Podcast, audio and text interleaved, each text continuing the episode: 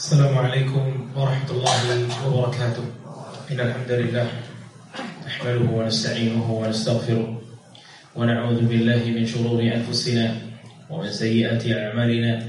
من يهده الله فلا مضل له ومن يضلله فلا هادي له.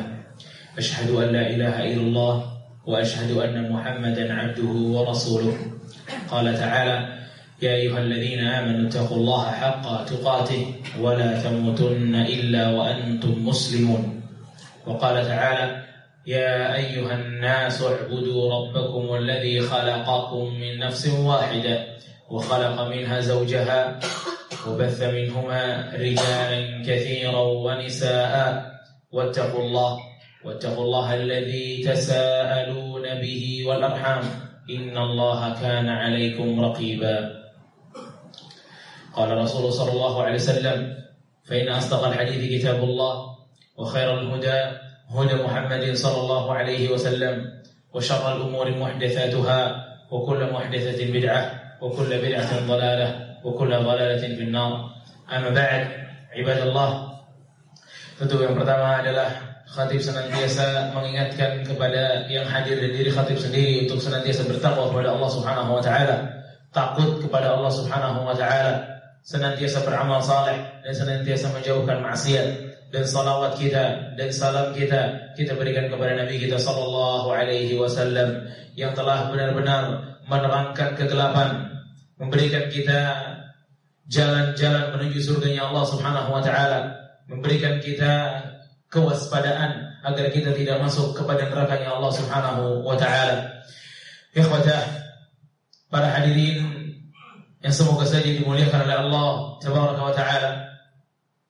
Terdapat sebuah hadis dari Nabi sallallahu alaihi wasallam yang diriwayatkan oleh Al-Imam Tirmizi, Ahmad, Ibnu Ibnu Hibban dan yang lainnya bahwa Rasul kita sallallahu alaihi wasallam pernah memberikan sebuah perumpamaan yang perumpamaan ini kita bisa mendapatkan hikmah yang sangat luar biasa dari sebuah hal yang sedikit sekali dari manusia yang bisa lolos dari keburukan hal ini. Rasul kita sallallahu alaihi wasallam bersabda dari hadis yang diriwayatkan oleh seorang sahabat Ka'ab bin Malik radhiyallahu taala an. Ma dhibani ja'i'an ursila fi ghanamin biafsad laha min hirs al-mar'i 'ala al-mali wa sharaf dinih. Kata Rasul kita sallallahu alaihi wasallam, ada dua ekor serigala. Dua serigala ini dalam keadaan yang lapar bahkan mungkin sangat lapar pada saat dua serigala yang lapar ini berjalan untuk mendapatkan makanannya dua serigala ini dikejutkan dengan sebuah rezeki yang luar biasa dia dikejutkan dengan adanya seekor kambing. Kambing ini nggak ada pengembalanya. Kambing ini keluar dari rombongannya. Kambing ini sendirian. Ini untuk serigala, untuk dua serigala lapar ini rezeki nomplok luar biasa. Dia bisa mendapatkan kambing yang tanpa ada perlawanan. Maka kita semua tahu bahwa serigala ini akan mengoyak-ngoyak kambing tersebut. Bukan cuma satu serigala, tapi dua serigala lapar. Dia akan hancurkan kambing tersebut. Dia tidak akan sisakan kambing itu kecuali sedikit. Bagian-bagian yang memang tidak mungkin dimakan olehnya. Namun Nabi kata Rasulullah, serusak-rusaknya kambing tersebut yang telah dioyak-oyak oleh dua serigala lapar lebih rusak agama seseorang yang rakus harta dan jabatan. Lihat ikhwatah. Ini perumpamaan dari Rasul kita Shallallahu Alaihi Wasallam yang sangat luar biasa bahwa rakus harta, rakus jabatan itu merusak agama. Kerusakannya bisa lebih kerusakan kambing yang dimakan dua serigala lapar. Inilah ikhwatafiddin azakumullah. Salah satu ancaman dan lampu kuning dari Rasul kita Shallallahu Alaihi Wasallam untuk orang-orang yang gila harta, untuk orang-orang yang gila jabatan, bahwa gilanya dia, rakusnya dia dengan harta dan jabatan itu akan merusak hal terpenting dalam dirinya, agamanya. Hal terpenting dalam kehidupannya, imannya yang akan dirusak. Makanya khotbah Sering kita mungkin mendengar adanya kaum muslimin juga, bagian dari saudara kita juga. Namun dia berani mengakhirkan sholatnya karena meeting, rapat, mengurusi hartanya. Berani untuk sampai meninggalkan sholat karena apa? Meeting, karena hartanya. Bukankah kita lihat ikhwatah adanya kaum muslimin yang berani makan riba untuk apa? Hartanya. Untuk mal, untuk dunia, untuk uang. Semuanya isinya dunia. Bukankah khodah? Kita lihat banyak dari kaum muslimin berani menipu. Untuk apa? Duit. Untuk harta. Dia berani bikin cek palsu. Bikin kwitansi palsu. Untuk apa? Uang. Maka benar Rasul kita Shallallahu Alaihi Wasallam pada saat mengatakan bahwa agama seseorang akan rusak pada saat orang ini rakus dengan dunia, rakus dengan hartanya. Makanya Allah Subhanahu wa taala dalam surat Al-Hasyr mengatakan, "Wa may yuqa nafsihi fa muflihun." Kata Allah Subhanahu wa taala, siapa yang mampu menjaga dirinya dari sifat syuh, maka dia orang yang beruntung. Apa itu syuh? Al-Imam Al-Hafidh Ibn Rajab Al-Hambali rahimahullah ta'ala Beliau mengatakan Asyuh Al-Hirsu Syadid Semangat yang kuat luar biasa Rakus luar biasa Akan sebuah hal yang ia ingin miliki Walaupun ia harus miliki hal tersebut Dengan cara-cara yang tidak dibenarkan dalam syariat Ini adalah syuh ikhwatah Dia rakus dengan hartanya. Dia nggak peduli. Ini kerjaan halal atau kerjaan yang haram. Semuanya diterabas untuk apa? Uang. Untuk harta, untuk dunia, agamanya tidak ditengok. Perintah. Larangan Allah tidak diindahkan. Yang dia inginkan hanyalah harta, harta, harta. Inilah syuh yang bisa sampai-sampai karena gila harta ikhwadah. Seorang manusia ini bisa melakukan dosa-dosa yang sangat-sangat besar. Nabi kita Shallallahu Alaihi Wasallam mengatakan, syuh. Jangan pernah kalian mempunyai sifat syuh rakus sama dunia, gak pandang halal, gak pandang mendapatkan harta. Hati-hati dengan syuh. Fa inna syuhha ahlaka man kana qablakum. Karena kerakusan ini, ini yang menghancurkan bangsa sebelum kalian, umat sebelum kalian. Mereka rusak, mereka binasa. Kenapa? Rakus sama harta. Bahkan kata Rasulullah SAW, ini syuh, rakus sama harta yang dimiliki sama orang lain. Itu akan menyebabkan pertumpahan darah, menghalalkan apa yang diharamkan oleh Allah Subhanahu wa taala. Lihat ikhwatan, Wallahi benar Rasul sallallahu alaihi wasallam. Sadaqah Rasul sallallahu alaihi wasallam pada saat mengatakan syuh penyakit itu gila dunia, rakus dunia itu bisa sampai menumpahkan darah. Dan wallahi ikhwatan, siapa yang suka lihat berita di perharinya itu setidak-tidaknya kita akan melihat kembali hampir setiap hari kisah pembunuhan, kisah pembunuhan si Istri bunuh suami, suami bunuh istri, kawan bunuh temannya, dan lain sebagainya. Urusannya apa? Dunia. Urusannya dunia bisa sampai mentumpahkan darah orang. Padahal apa kata Allah Subhanahu wa taala? Untuk hukum orang-orang yang membunuh orang muslim secara sengaja. Rasulullah Allah Subhanahu wa taala berfirman dalam surat An-Nisa ayat 93, "Wa may yaqtul mu'minan muta'ammidan fajaza'uhu jahannam wa ghadiba Allahu 'alaihi wa la'anahu wa'ada lahum 'adaban 'azima. Kata Allah Subhanahu wa taala, siapa yang membunuh seorang mukmin dengan sengaja, seseorang yang udah sholat, puasa, zakat, haji, umrah, mengatakan la ilaha illallah, dibunuh. Apa kata Allah Subhanahu wa taala? Fajazaohu jahannam. Dia akan masuk jahannam. Khalidan fiha. Selama-lamanya. Allah marah sama dia. Allah laknat dia. Allah siapkan azab yang sangat besar. Ikhwatah. Dosa diancam sampai seperti ini nggak ada dalam Al-Quran kecuali dosa pembunuhan dan berapa banyak seseorang telah membunuh temannya sendiri telah membunuh saudaranya sendiri bahkan membunuh ayahnya sendiri untuk apa harta maka benar Rasul kita Shallallahu Alaihi Wasallam yang mengatakan bahwa agama orang, agama seseorang itu rusak kalau dia rakus sama hartanya, kalau dia gila sama dunianya. Makanya Rasul kita Shallallahu Alaihi Wasallam beliau mengatakan, la yajtami asyuha wal imana fi qalbi mu'min. Tidak akan bersatu. Sifat syuh yang rakus sama dunia, tamak dengan dunia, tamak dengan harta, tidak mungkin berkumpul dengan iman. Tidak mungkin berkumpul dengan dengan iman kata Rasulullah SAW. Makanya dalam sebuah hadis yang kata Rasul kita Shallallahu Alaihi Wasallam mengatakan, "Lau anna bin Adam sa'ala wadiyan min mal." Anak manusia Rasulullah itu kalau dia minta satu lembah isinya harta, dia minta, "Aku menginginkan satu lembah isinya harta." Kemudian dikasih, maka tidak lama kemudian dia akan minta lembah kedua. Saking rakusnya. Begitu dikasih lembah kedua dan isinya harta, dia akan minta lembah yang ketiga, isinya harta. Saking rakusnya.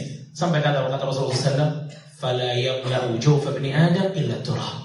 Maka gak ada yang bisa mengenyangkan anak Adam, perutnya manusia itu kecuali tanah kuburannya sendiri. Ibnu Battal rahimahullah taala beliau mengomentari hadis ini mengatakan bahwa ini adalah isyarat dari Nabi SAW bahwa buruknya seseorang yang sangat tamak dengan dunia, yang sangat rakus dengan harta. Inilah ikhwadah yang mendorong para salaf, yang mendorong para salihin, yang mendorong para ulama. Mereka tidak menginginkan banyaknya harta, tidak. Mereka justru cenderung untuk mencukupkan dirinya dan tidak kaya-kaya dan tidak banyak harta. Kenapa? Karena mereka takut jika hartanya banyak, itu bukan berarti tidak ada ujian dari Allah. Itu ujian yang besar dari Allah Subhanahu wa taala. Mereka takut, apakah saya akan tetap bertahan di atas iman? Apakah kemudian saya tidak menjadi orang yang rakus harta? Ini yang mereka takutkan, menjadikan mereka itu zuhud dalam dunia. Mereka nggak gila harta, mereka nggak gila uang.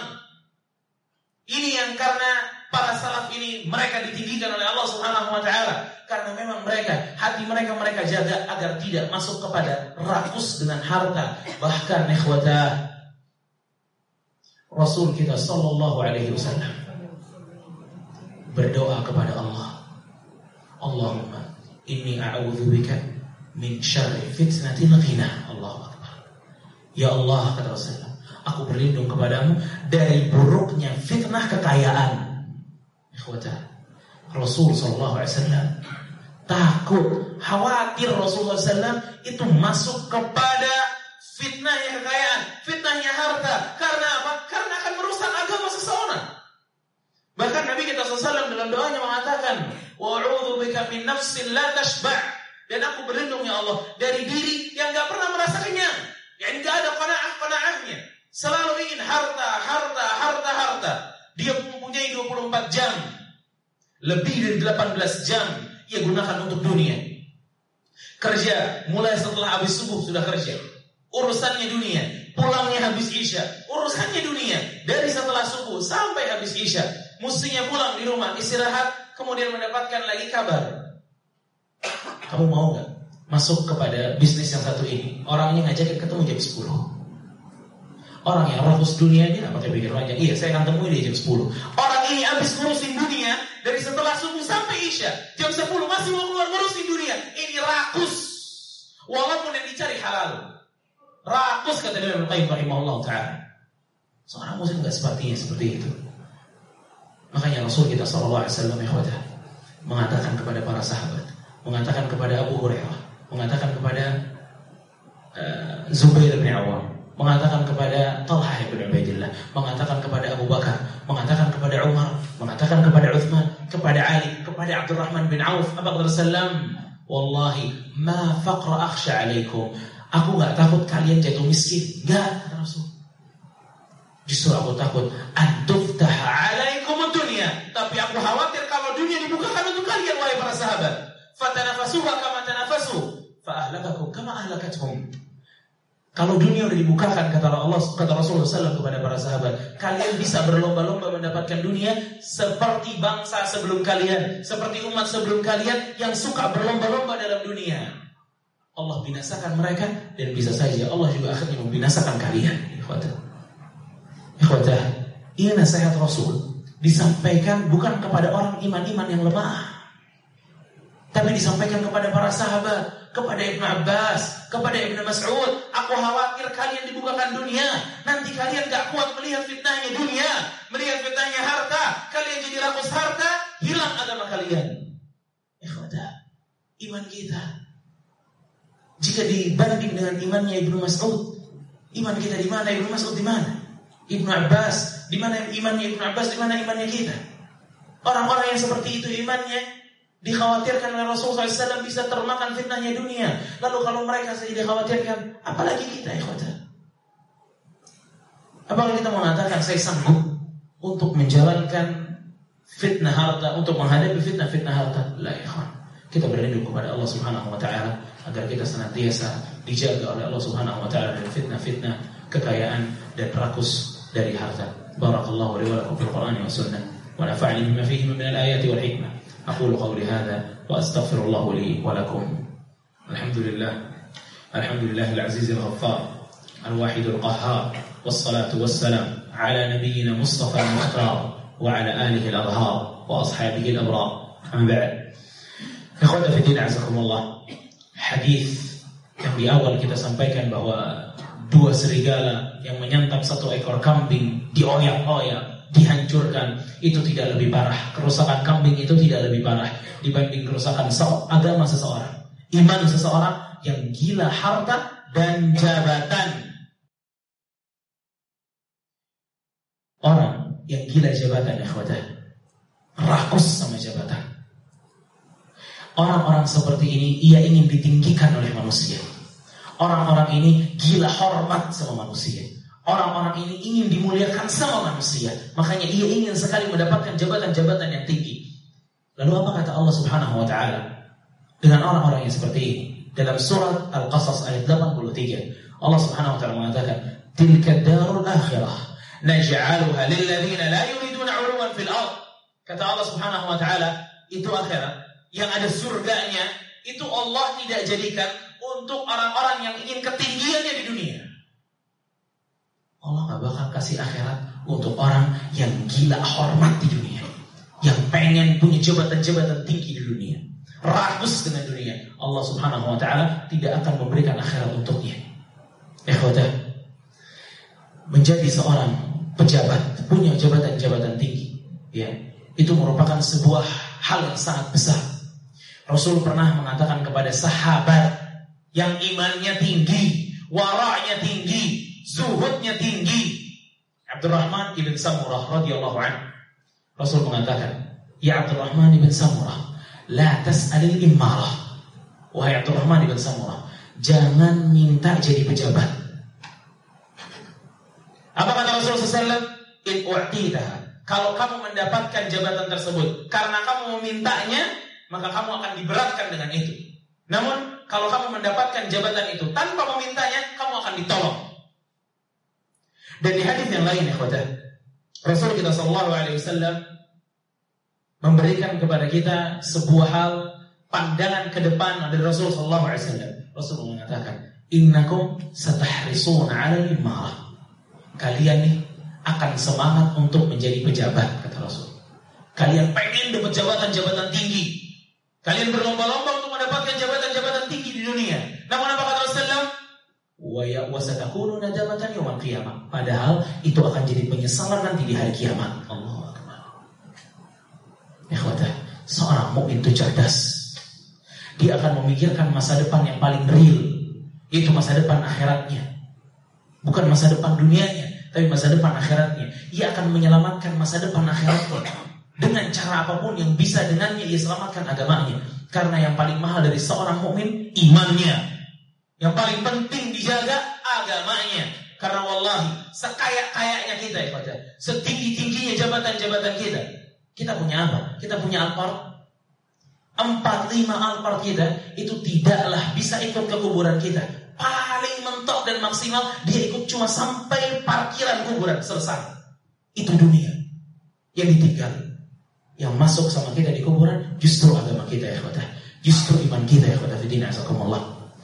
Rasul kita Shallallahu Alaihi Wasallam bahkan sampai mengatakan ada dua orang datang kepada Rasulullah terus mengatakan ya Rasulullah beri kami jabatan, Berikan kami jabatan. Jadikan kami pejabat ya Rasulullah. Apa kata Rasulullah? Kami tidak akan memberikan jabatan kepada orang yang memintanya atau orang yang rakus dengan jabatan. Kenapa ya kata? Mengatakan seseorang kalau udah rakus dengan jabatan kemudian menjabat maka nggak mungkin adil. Gak bisa adil. Kenapa? Karena yang diurusin itu hanya rakus jabatan dan kemuliaan. Tidak ada kepentingan yang lain. Beda dengan orang-orang mukminin. Beda dengan Rasulullah SAW dan para sahabat. Mereka menjabat untuk kepentingan kaum muslimin. Kita mesti berhati-hati dengan dua sebab besar ini. Rakus harta dan jabatan. Karena dua-duanya akan mengoyak-ngoyak agama kita. Akan mengoyak iman kita. Menghancurkan iman kita. Bisa-bisa sampai tidak ada tersisanya. Atau tersisa hanya sedikit. Semoga bermanfaat. Allah Subhanahu wa taala berfirman, "Inna Allah wa malaikatahu yusalluna 'alan nabi, ya ayyuhalladzina amanu sallu 'alaihi wa sallimu taslima." Wa qala sallallahu alaihi wasallam, "Man shalla 'alayya salatan wahidah, sallallahu 'alaiha biha 'ashra." Fa usalli wa usallim 'ala sayyidina wa habibina wa maulana Muhammad ibn Abdullah lil muslimina wal muslimat wal mu'minina wal mu'minat al ahya'i minhum wal amwat إنك قريب مجيب الدعوات. يا قاضي الحاجات. اللهم أعز الإسلام والمسلمين. اللهم أعز الإسلام والمسلمين. اللهم أعز الإسلام والمسلمين. ودمر اللهم أعداءك أعداء الدين. يا رب العالمين. يا حي يا قيوم. برحمتك نستغيث. أصلح لنا شأننا كله ولا تكلنا إلى أنفسنا طرفة عين. يا مقلب القلوب ثبت قلوبنا على دينك. يا مقلب القلوب ثبت قلوبنا على دينك. يا مقلب القلوب ثبت قلوبنا على دينك. اللهم أصلح ولاة أمورنا. اللهم أصلح ولاة أمورنا. اللهم أصلح ولاة أمورنا. يا ذا الجلال والإكرام. ربنا آتنا في الدنيا حسنة وفي الآخرة حسنة. وقنا عذاب النار. وصلى الله على نبينا محمد وعلى آله وصحبه أجمعين. أخي الصلاة.